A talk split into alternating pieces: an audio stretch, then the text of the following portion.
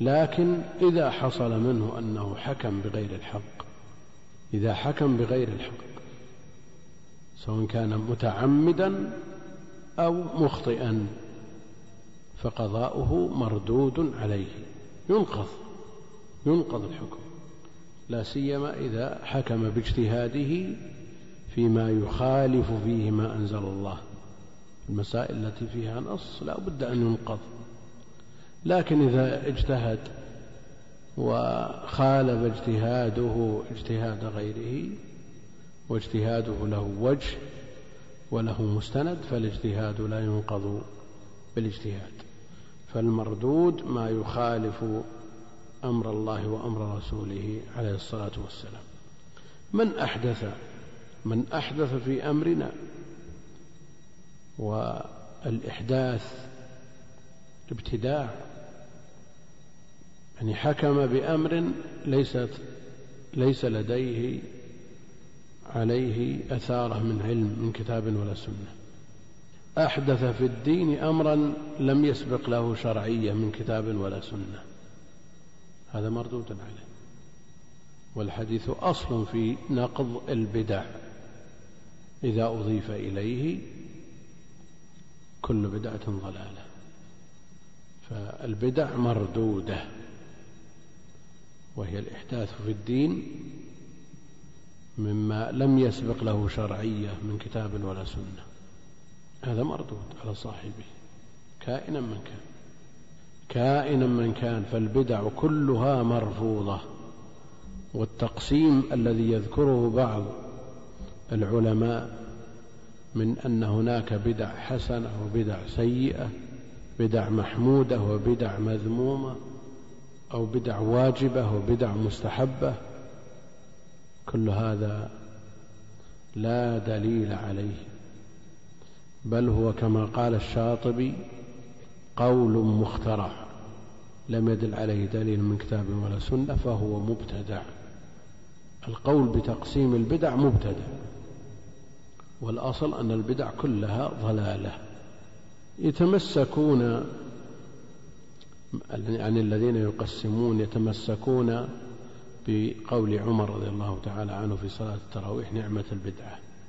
نعمة البدعة ونعمة مدح. فدل على أن من البدع ما يمدح. وشيخ الإسلام في الاقتضاء ويتبعه جمع من أهل العلم يقول هذه بدعة لغوية لا شرعية. والشاطبي يقول مجاز. يقول مجاز. الذين ينفون المجاز يردون قول الشاطبي كما هو المعتمد عند المحققين. وإذا نظرنا إلى قول شيخ الإسلام بدعة لغوية بدعة لغوية ما عمل على غير مثال سابق. ما عمل على غير مثال سابق. والتراويح عملت على غير مثال سابق أو لها مثال سابق. لها مثال سابق لأن النبي عليه الصلاة والسلام صلى التراويح ثلاث ليال.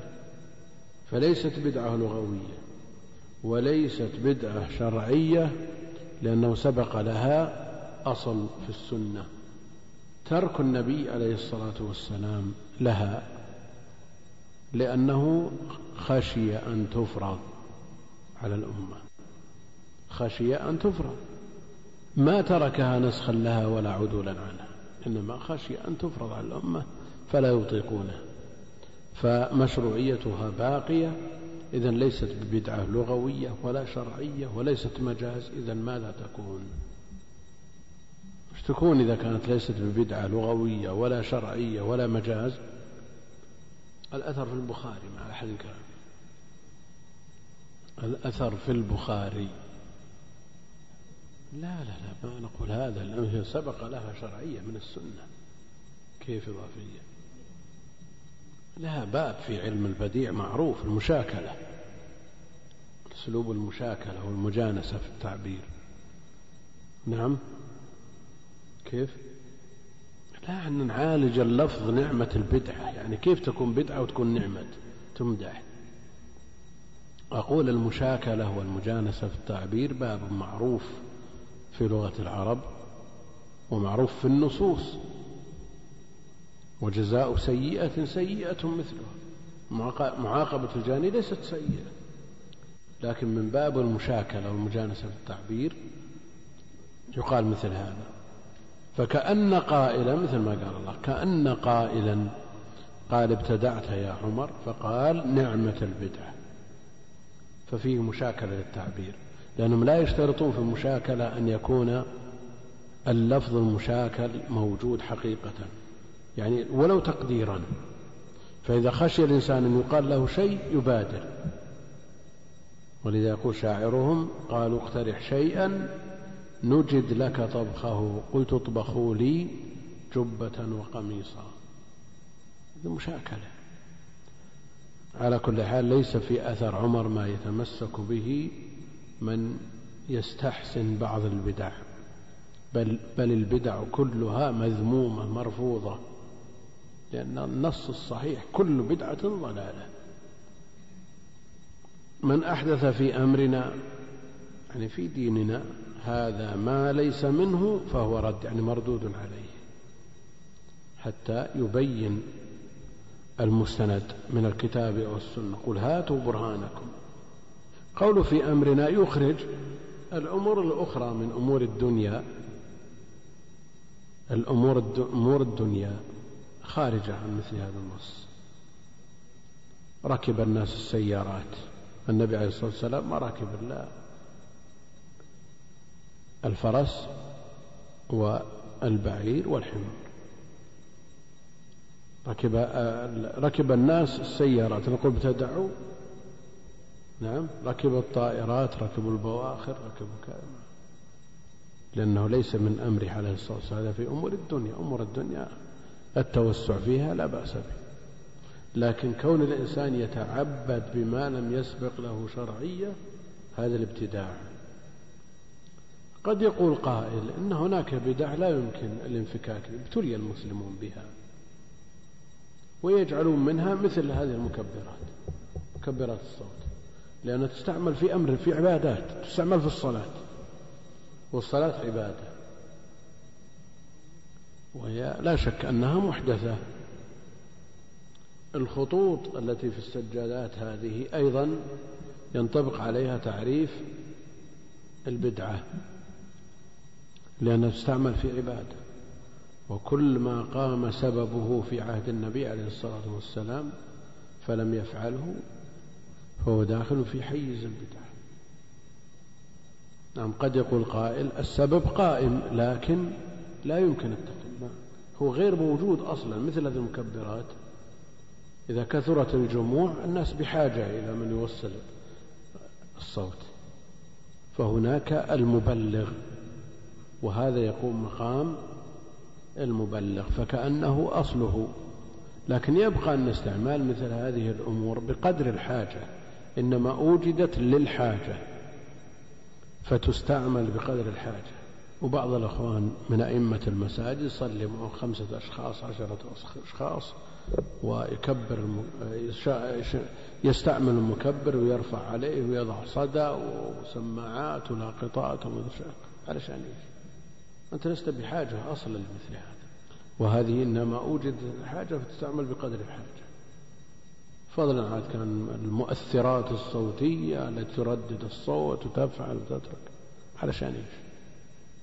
قل يا أخي هذه عبادة المحافظة عليها أمر واجب يعني تعبد الله جل وعلا على مراد الله وكما جاء عن النبي عليه الصلاة والسلام هذه الخطوط التي في الفرشات هذه الفائدة منها تعديل الصفوف وإقامة الصف من تمام الصلاة. والنبي عليه الصلاة والسلام كان يعنى بتعديل الصفوف تقدم يا فلان تأخر يا فلان لتسون صفوفكم أو ليخالفن الله بين قلوبكم. فتعديل الصفوف أمر لا بد منه من تمام الصلاة. قام السبب وجد في عهد النبي عليه الصلاة والسلام ولم يفعل ما أخذت خطوط في المسجد.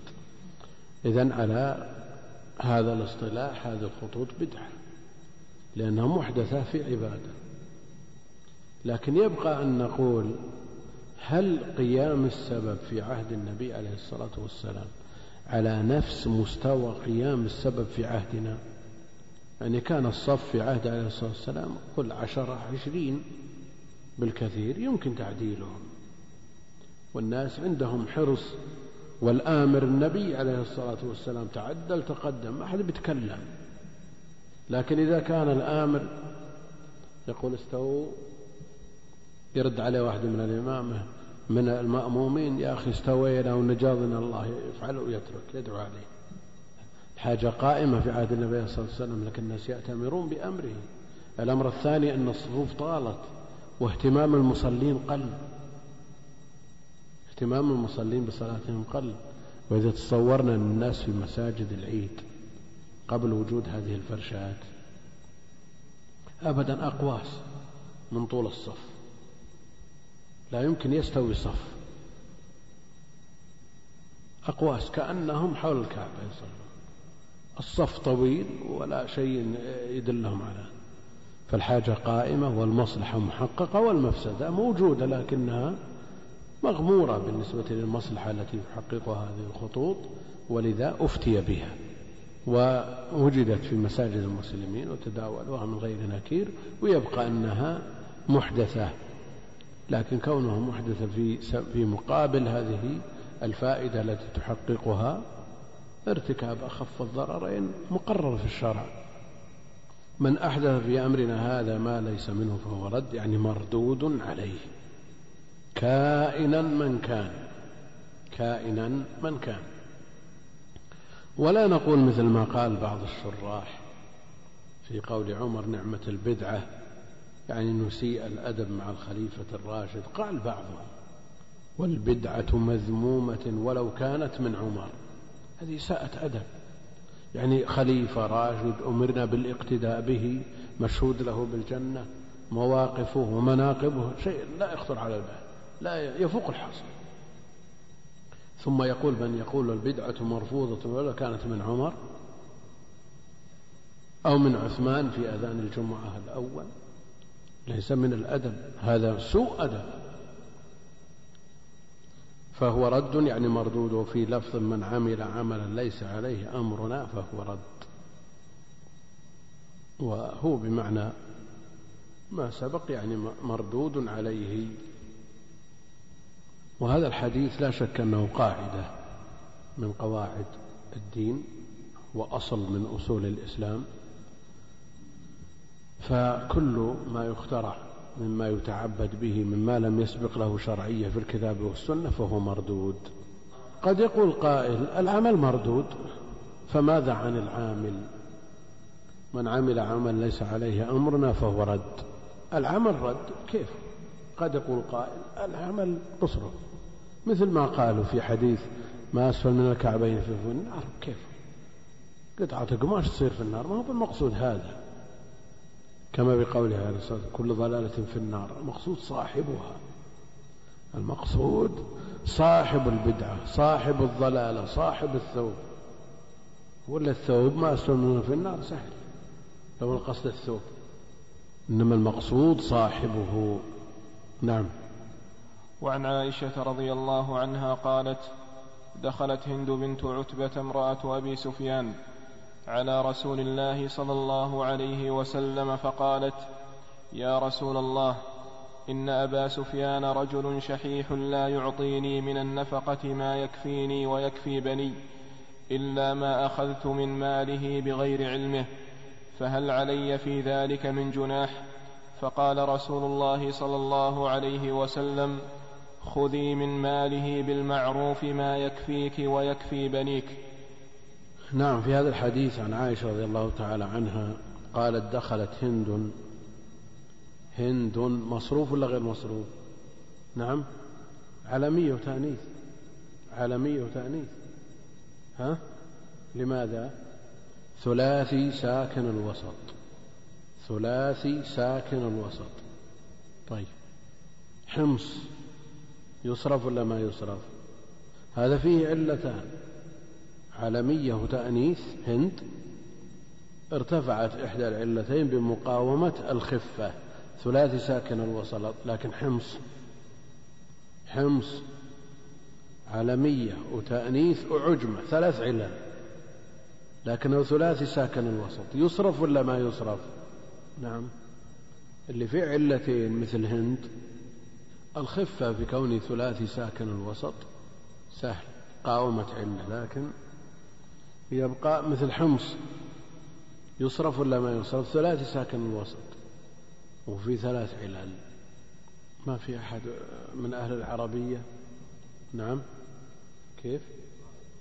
طيب القارئ توكل على الله. نعم. هذا ثلاثي ساكن وصرفنا هند لأنه ثلاثي ساكن الوسط وفي علتين. فيه علتان تقتضيان منعه من الصرف لكن لما كان ثلاثيا ساكن الوسط خفيف يعني.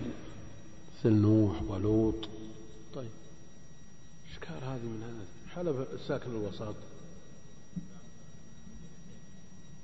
لا ما ينفع. الاقتران هذا دل الاقتران. لا لا ما له علاقة شلون؟ طيب قلنا حلب ممنوع من الصرف. علمية وتأنيث ووزن الفعل. ممنوع من الصرف. لكن ما ما في ما يقام في حلب.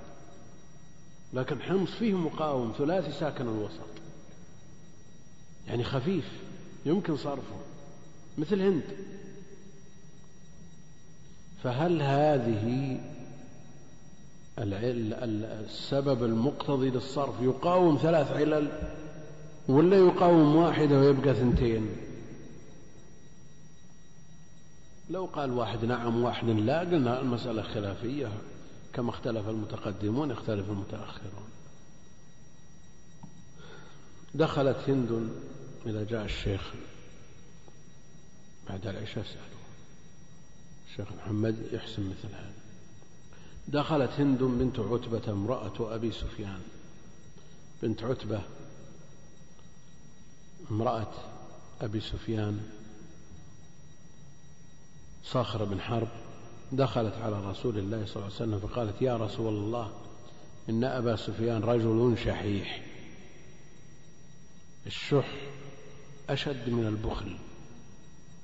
الشح أشد من البخل فهو بخل مع حرص.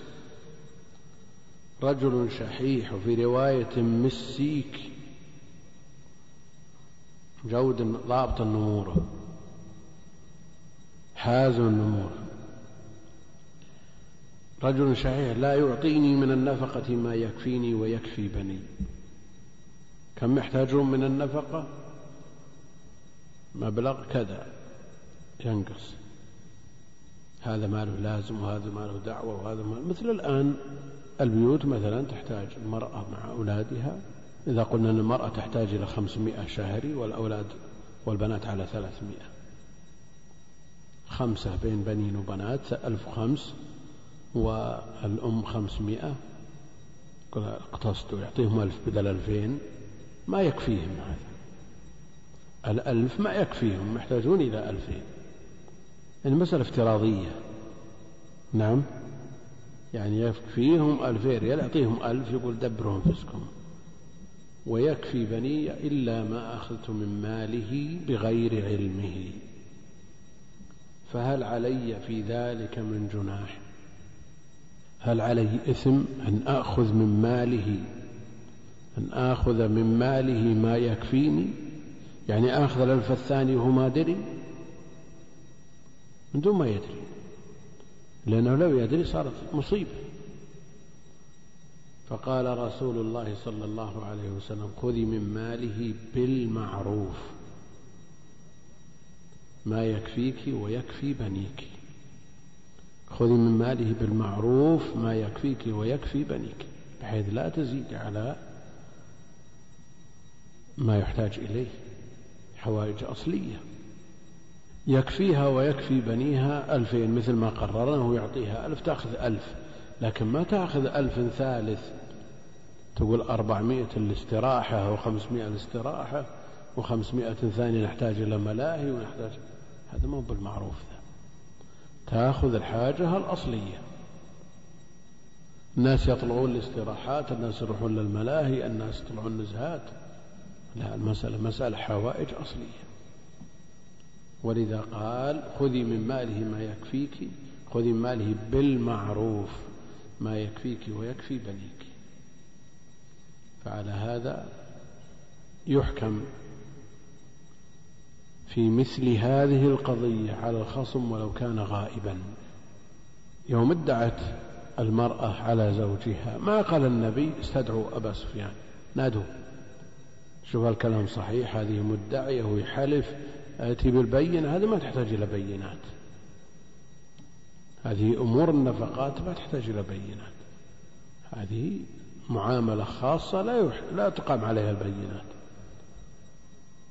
لكن المسألة رجعت إلى الديانة بالمعروف بمعنى أنه يجوز له ولا حرج ولا جناح ولا إثم أن تأخذ ما يكفيها لكن القدر الزائد على ذلك تأثم. فالأمور الزوجية في البيوت ينبغي أن تكون مبنية على التسامح والعشرة بالمعروف بحيث لا يكلف الإنسان ما لا يطيق ولا يقتر ويضيق على الزوجة والأولاد إنما الأمور المتعارف عليها لا بد منها ولهن مثل الذي عليهن. النبي عليه الصلاة والسلام حكم على أبي سفيان ولما يحضر. ولذا أخذ منه بعض أهل العلم جواز الحكم على الغائب. على خلاف بينهم هل مضمون هذا الحديث قضاء حكم قضائي ولا فتوى؟ حكم قضائي ولا فتوى؟ إذا قلنا فتوى ما فيها إلزام لأن الفتوى بيان الحكم مع عدم الإلزام به والقضاء بيان الحكم مع الإلزام. إذا كانت فتوى وعرف أنها تأخذه ما يدري ما كان هناك في السابق بنوك. يعني يمكن يمشي الإنسان بدون دراهم. ولا تستطيع الزوجة ولا الأولاد أن يأخذوا منه فلس.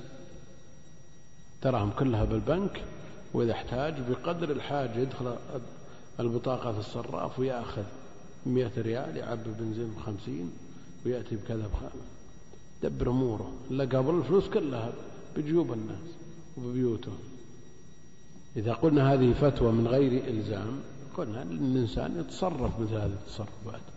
لكن إذا كان إلزام والنفقة واجبة واجبة على الزوج. للزوجة والأولاد لا سيما المحتاج منهم من الأولاد والنفقة على الرقيق كل هذا واجب. النفقة على الوالدين مع الحاجة.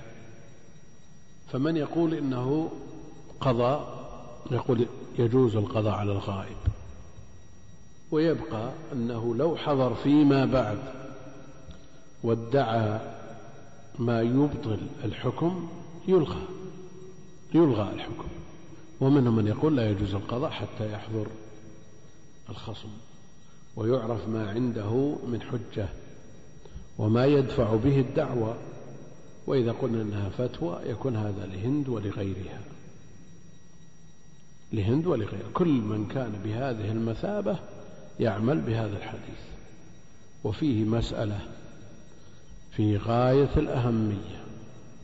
يسميها أهل العلم مسألة الظفر. مسألة الظفر. أقرضت فلان من الناس. ألف ريال. جاءك والله أنا قال أنا محتاج ألف ريال عندي ضيوف وكذا. قلت هذا ألف. لكن ما عندك شهود. مضى شهر شهرين ثلاثة. قلت له يا فلان وين الألف؟ قال الله ما عندي لك شيء. ما عندي لك شيء. مسألة الظفر مثلا. لو دعاك في يوم من الأيام ووجدت شيء يمكن أن تأخذه بغير علمه تستوفي به دينك الذي عليه. بعض أهل العلم يستدل على جواز مثل هذا التصرف بهذا الحديث. يعني تأخذ من ماله بقدر دينك الذي في ذمته. هذه يسمونها مسألة الظفر. ومنهم من يقول لا يجوز إلا بإقامة البينات ولو فتح الباب لمثل هذه التصرفات لا تصرف الناس آه، وتعدوا ما لهم فلا يمكن للإنسان أن يتحرى الدقة في يمكن يزيد يزيد على ما عند صاحبه. تثور الخصومات يمكن يقيم عليه دعوة أنه سرق من بيته. يعني نفترض المسألة شخص صاحب الألف هذا. أقرضه ألف ثم قال له وين الألف؟ قال والله ما عندي لك شيء. دعاه في يوم من الأيام ودخل المكتبة. دخل المكتبة. المكتبة فيها مخطوط يسوى ألف. صغير. قال عن إذنك باصل البقالة ولا باصل المطعم ولا شيء يقولها صاحب البيت. هذا أدخل المخطوط في جيبه ومشى. الشباب كلهم يعرفون هالمخطوط ذا لصاحب المكتبة. يقيم عليه دعوة أنه سرق مخطوط من مكتبته. القاضي ما له دعوة بالألف لأنه ما عنده بينة يقيمها عليه. كيف يعمل القاضي حيال هذه التهمة بالسرقة؟ لا شك أنه ينشأ عن مثل هذا القول مشاكل. ولذا جاء في الحديث ولا تخن من خانك. وبهذا يقول جمع من أهل العلم أن مسألة الظفر لا تجوز وأن الحقوق لا تؤخذ إلا من قبل القضاة. ولو فتح المجال كل يأخذ حقه بنفسه صارت فوضى. منهم من يقول إذا كان السبب ظاهر السبب ظاهر لك أن تأخذ حقك لك أن تأخذ حقك. مثل إيش؟ مثل أقرضته ألف ريال. أقرضته ألف ريال. ثم بعد ذلك طلبت ألف يقول الله على العين والرأس بذمتي ألف لك ونشهد فلان وفلان كلهم يشهدون عندي لك ألف. هذا السبب ظاهر في ذمته ألف. لكن عطنا الألف قال الله ما عندي أنا أنا مفلس. من كان ذو عسرة فنظرة إلى ميسر أخذ من ماله بقدر الألف لأنه يستطيع أن يقيم عليه دعوة. والمسألة التي معنا النفقات تستطيع الزوجة أن تقيم دعوة. الولد يستطيع أن يقيم دعوة. فإذا كان السبب ظاهر يمكن إقامة الدعوة عليه له أن يأخذ من ماله ولو من غير علمه. وهذا قول متوسط وهو الذي يدل عليه الحديث. نعم. عن أم سلمة رضي الله عنها أن رسول الله صلى الله عليه وسلم سمع جلبة خصم بباب حجرته فخرج إليهم فقال ألا إنما أنا بشر مثلكم وإنما يأتيني الخصم فلعل بعضكم أن يكون أبلغ من بعض فأحسب أنه صادق فأقضي له فمن قضيت له بحق مسلم فإنما هي قطعة من النار فليحملها أو يذرها. في هذا الحديث يقول المؤلف رحمه الله تعالى عن أم سلمة رضي الله عنها أن رسول الله صلى الله عليه وسلم سمع جلبة الجلبة اختلاط الأصوات وارتفاعها وجد خصومات ومشاجرة ومضاربة وكذا توجد مثل هذه الجلبة. سمع جلبة خصم بباب حجرته حجرة أم سلمة من بيوته عليه الصلاة والسلام فخرج إليهم فقال ألا إنما أنا بشر مثلكم. الرسول عليه الصلاة والسلام المؤيد بالوحي مثلنا؟ مثل سائر القضاة؟ نعم هو مثله. إلا ما أطلعه الله عليه من الغيوب. الرسول لا يعلم الغيب. لو كنت أعلم الغيب لاستكثرت قل لا يعلم من في السماوات والأرض الغيب إلا الله. فالرسول عليه الصلاة والسلام لا يعلم من الغيب إلا ما أطلعه الله عليه. فهو بشر. بالإمكان أنه في كل قضية ينزل الوحي ويقال الحق مع فلان. لكن هو القدوة هو الأسوة. لو حصل مثل هذا في كل قضية وفي كل خصومة تحصل في عهده ينزل الوحي ببيانها من للقضايا بعده عليه الصلاة والسلام؟ لأنه قدوة وأسوة للقضاة. قد يقول قائل كيف ينسى النبي عليه الصلاة والسلام ويسهو في الصلاة؟ كيف يسهو في الصلاة؟ نعم يسهو ليسن ويشرع. وأيضا قد يحكم بالبينة بالمقدمات الظاهرة الشرعية ويحكم لغير صاحب الحق بدليل ألا إنما أنا بشر مثلكم وإنما يأتيني الخصم فلعل بعضكم أن يكون أبلغ من بعض في بعض الروايات ألحن بحجته من بعض بعض الناس يستطيع أن يبين ويؤثر على السامع قد يقول قائل الرسول يمكن يخدع إلى هذا حد ما يخدع يا أخي. لكن هذا تشريع للأمة كلها. نعم بعض القضاة قد يخدع. بشر. قد يمشى يمرر عليه بعض الأمور بشر. لكن عنده مقدمات. يبني عليها نتائج. شاهداك أو يمين جيء بالشاهد الأول فشهد ثقة الشاهد. لكن هذه الثقة ألا يحتمل أن ينسى؟ ألا يحتمل أن يخطئ؟ يحتمل. فإذا أخطأ الشاهد أو نسي يكون له أثر على القضية. لكن أنت ما أنت مسؤول أنت تبحث عنه الخطأ أخطأ أو أصاب أنت تقرره بما يقول وتحكم على ضوء ما يقول.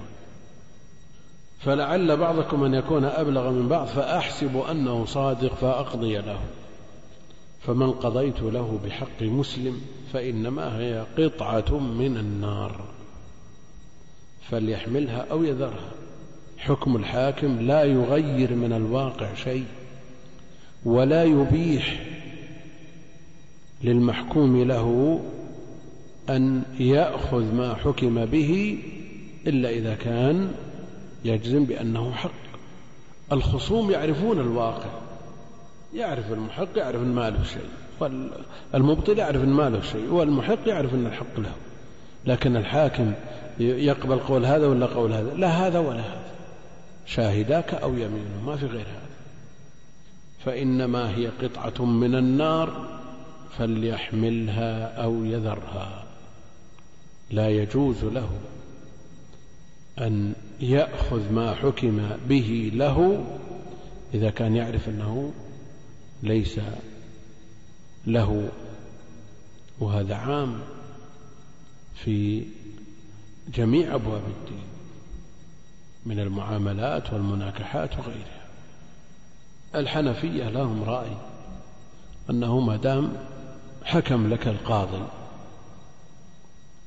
وهو مأمور بالحكم على الظاهر فهو لك هو لك. ومنهم من يخص هذا بالمناكحات. أحضر الزوج شهود أن هذه زوجته قال اذهبي مع زوجك. لكن في حقيقة الحال أنه طلقها ثلاثا ولا عندها بينة تقيمها بانت منه. القاضي ما يدري. الشهود ما علم. هل يجوز له أن يطأ هذه الزوجة لأن القاضي خذ قال خذ زوجتك؟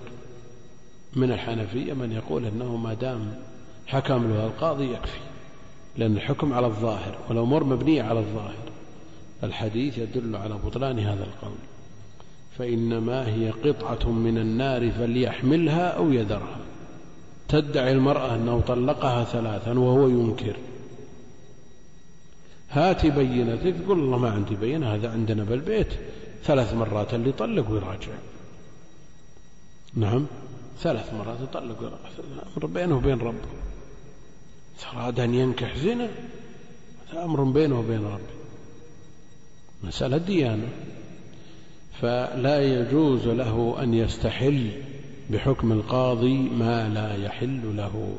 ولذا قال عليه الصلاة والسلام فإنما هي قطعة من النار فليحملها أو يذرها فليتقي الله جل وعلا الخصوم ويجعل مثل هذا نصب أعينهم من النار من يطيق النار.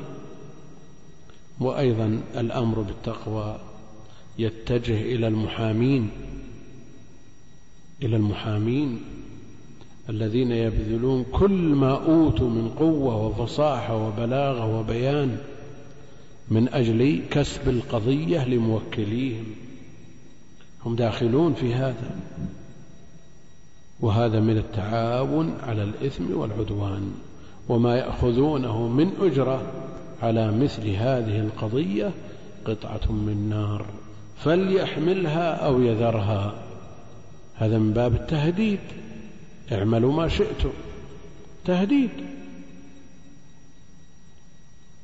ومنهم من يقول فليحملها إن كانت تحل له أو يذرها إن كانت لا تحل له.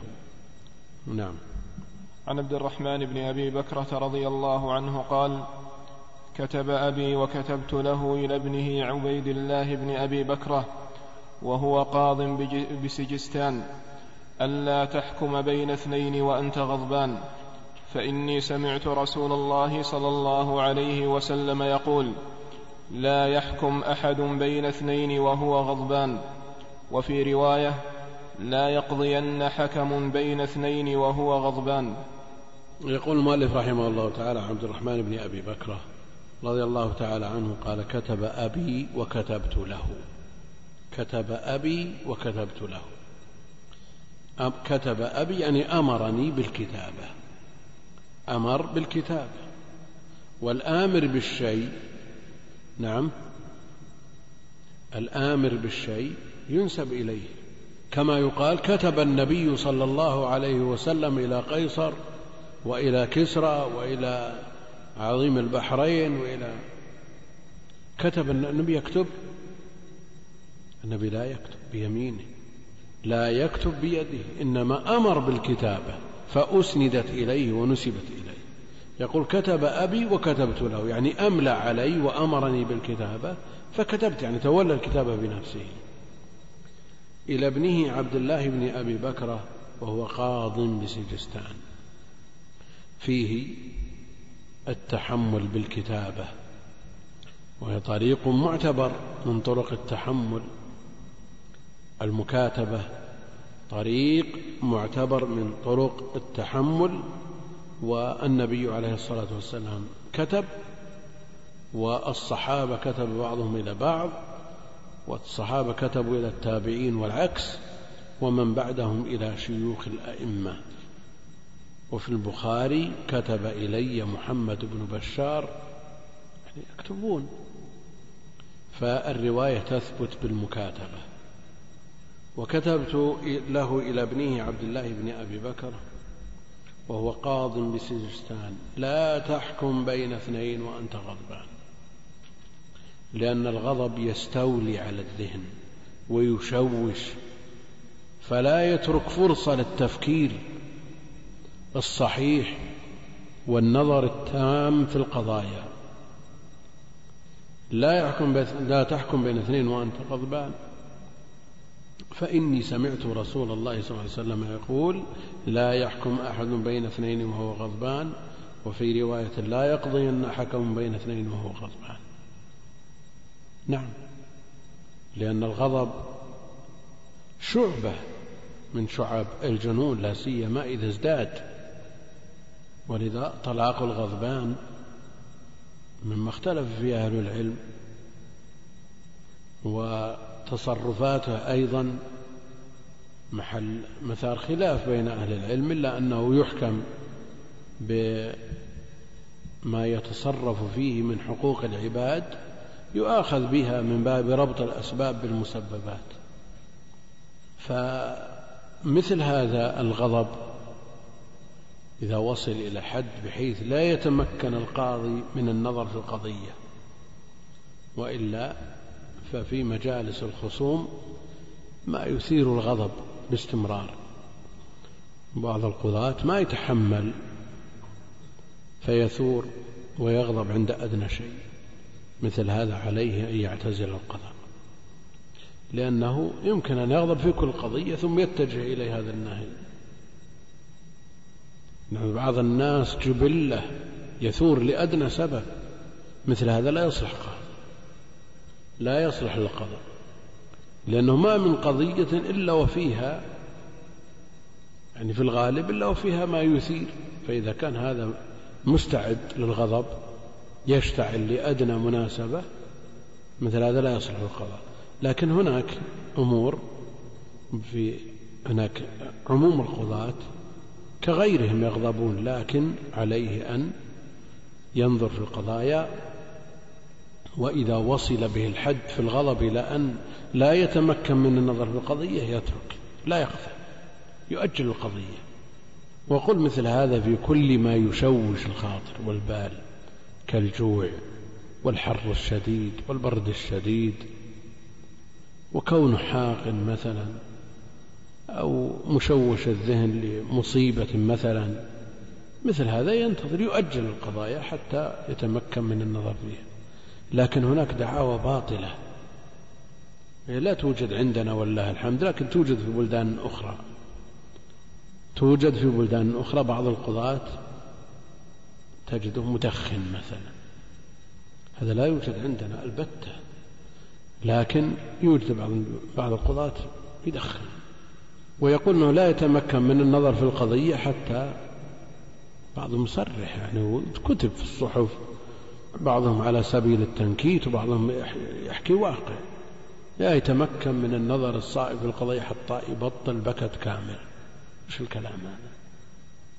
يدخل في هذا ولا يدخل. الأصل أن مثل هذا ليس بأهل للقضاء أصلا. فاختيار مثل هذا قاضي خطأ. والله المستعان. في مثل هذه الأمور لا ينظر إليها لأنها من أساسها باطلة. فلا يبنى نتائج شرعية على مقدمات غير شرعية. نبني نتائج شرعية على مقدمات شرعية. نتائجنا لا بد أن يكون القاضي مرتاح البال يتمكن من النظر في القضية. هذه النتيجة لابد أن تبنى على مقدمات شرعية. نقول والله ما دام يدخن لازم يدخن حتى ينظر القضية نقول أبدا لا هو ولا دخان ولا ينظر ولا شيء لا قبل ولا بعد مثل هذا. قد يقولها قائل هذه معصية ولا يسلم منها ولا ولا ولا يفترض في القاضي أن يكون معصوم ولا لكن مسألة منصب نبوي هذا. فصل الخصومات ينبغي أن يكون لأولى الناس للقدوات الذين إذا قالوا استمع لهم وإذا أمروا امتثل لهم. فمثل هذا لا ينظر إليه. نعم الأسباب الشرعية الجبلية مثل غضب مثل جوع شديد مثل بض شديد مثل حر شديد كونه حاق كونه محتاج كونه مريض. كل هذا لا يقضي بين الناس وهو متصف بهذه الصفات. نعم. وعن أبي بكرة رضي الله عنه قال قال رسول الله صلى الله عليه وسلم ألا أنبئكم بأكبر الكبائر ثلاثا قلنا بلى يا رسول الله. قال الإشراك بالله وعقوق الوالدين. وكان متكئا فجلس فقال ألا وقول الزور وشهادة الزور؟ فما زال يكررها حتى قلنا ليته سكت. وهذا الحديث أيضا عن أبي بكر رضي الله تعالى عنه. قال قال رسول الله صلى الله عليه وسلم ألا أنبئكم ألا أخبركم والنبأ هو الخبر. إذا كان مهما عظيما ألا أنبئكم بأكبر الكبائر أكبر الكبائر. فدل على أن من الذنوب ما يسمى كبائر. وفي قوله جل وعلا إن تجتنبوا كبائر ما تنهون عنه. ووجود الكبائر وتسميتها بهذا الاسم المستند إلى الكتاب والسنة أمر مجمع عليه لكن للنزاع في وجود صغائر. في وجود صغائر. يقول بعضهم أنه لا يوجد ما يدل على أن هناك صغائر. فمن باب المقابلة أنه ما دام يوجد كبائر لا بد من وجود صغائر. إذا قلت فلان أكبر من بس سكت. كلام صحيح. لا بد من طرف مقابل يكون أصغر منه. نعم لا بد من تمام الكلام. لا بد لتمام الكلام من هذا. ما دام وجد كبائر نعم لا بد أن يوجد ما يقابلها وهي إيش؟ الصغائر. إن تجتنبوا كبائر ما تنهون عنه نكفر عنكم إيش؟ سيئاتكم. والمراد بالسيئات الصغائر. والنصوص في تكفير الذنوب. الصلوات الخمس والجمعة إلى الجمعة ورمضان إلى رمضان كفارات لما بينهن ما اجتنبت الكبائر. ما لم تغش كبيرة. إذن كفارات لإيش؟ للصغائر فلا بد من وجود صغائر. أما أن نقول ما في النصوص ما يدل على صغائر يعني بهذا اللفظ قد يسلم. لكن هذه العبادات التي تكفر الذنوب هي لا تكفر الكبائر إذن تكفر إيش؟ لا بد من ما يقابل هذه الكبائر. مما يتناوله تكفير هذه العبادات العظيمة لها وهي الصغائر. إذا قررنا أن هناك صغائر كبائر هناك كبائر وهناك أكبر. الكبائر متفاوتة. الكبائر متفاوتة. إذ ليست على درجة واحدة. فأكبر الكبائر ويختلف أهل العلم في ضابط الكبيرة لكن منهم من ضبطها بأن كل ذنب رتب عليه حد في الدنيا أو عذاب في الآخرة أو توعد فاعله بلعن أو غضب أو بعدم دخول الجنة أو بدخول النار أو نفي عنه الإيمان. هذه كلها كبائر. ألا أنبئكم بأكبر الكبائر؟ قلنا بلى يا رسول الله. تصور من الصحابة أن يقولوا ما يحتاج. كثيرا ما يسألونه من غير طلب للسؤال. قلنا بلى يا رسول الله قال الإشراك بالله. هذا أعظم أنواع الظلم. أعظم أنواع الظلم وهو الذي لا يقبل المغفرة. إن الله لا يغفر أن يشرك به ويغفر ما دون ذلك لمن يشاء. الذين آمنوا ولم يلبسوا إيمانهم بظلم أولئك لهم الأمن وهم مهتدون والظلم الشرك هنا كما فسره النبي عليه الصلاة والسلام. فالشرك غير قابل للغفران الإشراك بالله. واللفظ يتناول الأكبر والأصغر. أما الأكبر فالجنة على صاحبه حرام لا يغفر ومرتكبه مخلد في النار. نسأل الله السلامة والعافية. وأما الشرك الأصغر كالرياء مثلا وقل ما شاء الله وشاء فلان شاء الله وشئت ونحو هذا هذا الشرك أصغر. ولولا الله وفلان هذا شرك أصغر. من أهل العلم من يدرجه في الكبائر وأن المشيئة تشمله. تشمله ويغفر ما دون ذلك بما في ذلك الشرك الأصغر. ومنهم من يقول أن الشرك بنوعيه لا يقبل المغفرة بل لا بد من أن يعذب صاحبه. وبهذا يختلف الشرك الأصغر عن الكبائر بأنه لا بد من أن يعذب ويدخل في عموم قوله جل وعلا إن الله لا يغفر أن يشرك به سواء كان شرك أصغر أو أكبر. لكن يبقى الفرق بين الأكبر والأصغر بأن الأكبر صاحبه مخلد والأصغر إذا عذب بقدر ذنبه مآله إلى الجنة. لا يخلد صاحبه بالنار. المقصود أن أعظم الذنوب الإشراك بالله وعقوق الوالدين. وعقوق الوالدين. أعظم الناس حقا عليك والداك. وحقهما مقرون بحق الله. في نصوص كثيرة. وكان متكئا فجلس. لأن الإشراك بالله يستبعد وقوعه من المسلم. عقوق الوالدين أيضا كثير من المسلمين. الأصل فيهم الوفاء. مع عامة الناس فضلا عن أعظم الناس عليهم حقا. لكن الأمر الثالث والدواعي إليه تجر إلى التساهل فيه فاحتاج أن يهتم له النبي عليه الصلاة والسلام. وكان متكئا فجلس فقال ألا وقول الزور.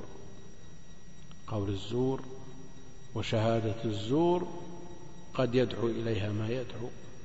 إما حمية يشهد لقريبه أو إحن وعداوات فيشهد على عدوه أو طمع دنيا فيشهد لراشيه أو خوف فيشهد لمن هدده أو رجاء بأن يرجو فلانا أن يعطيه أو يزوجه أو يوليه ولاية وما أشبه ذلك.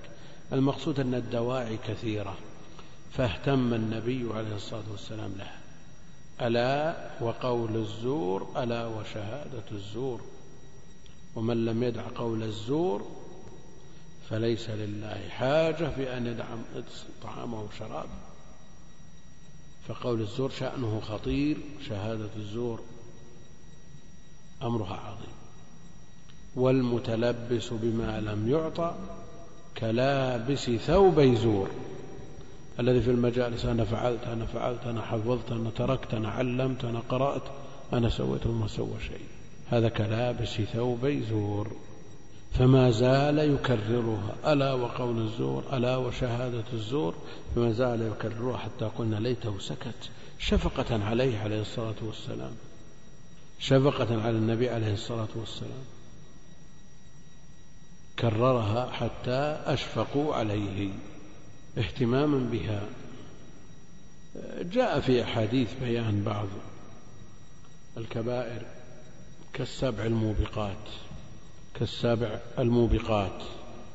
وقيل لابن عباس الكبائر سبع قال هي إلى السبعين أقرب. وفي رواية إلى السبعمائة. وألف في الكبائر كتب من أجمعها كتاب الزواجر عن اقتراف الكبائر والكبائر للذهبي. كتب يعني في هذه المسألة. نعم. عن ابن عباس رضي الله عنهما أن النبي صلى الله عليه وسلم قال لو يعطى الناس بدعواهم لادعى ناس دماء رجال وأموالهم ولكن اليمين على المدعى عليه. يقول المؤلف رحمه الله تعالى وعن ابن عباس رضي الله عنهما أن النبي عليه الصلاة والسلام قال لو يعطى الناس بدعاويهم بدعاويهم. جمع دعوى وجمع الدعوى دعاوي ودعاوى. كالفتوى جمعها فتاوي وفتاوى. لو يعطى الناس كل من ادعى شيء قيل له خذ. لو يعطى الناس كل, من يدعي يعطى إياه. يدعي زيد على عمرو أن في ذمته لهم كذا قال يلا ادفع. يدعي عمرو أن فلان قتل ابنه قال خذ اقتله. لو يدعي بكر أن فلانا زوجه ابنته أمسك بيد زوجتك. فالمسألة هكذا. وش يصير؟ وش يصير الوضع؟ نعم. لادعى ناس دماء رجال.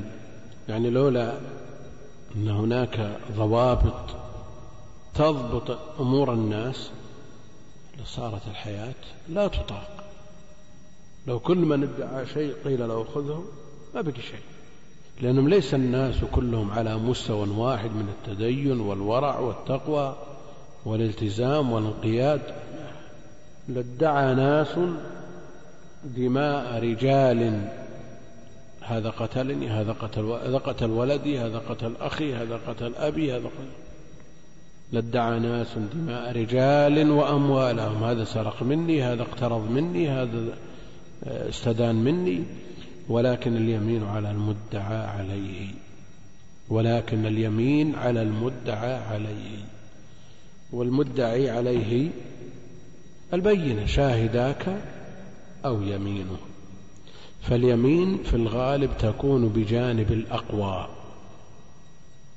المدعي يدعي خلاف الأصل فيحتاج فجانبه ضعيف يحتاج إلى بينة قوية تشهد له بأنه يستحق ما ادعاه.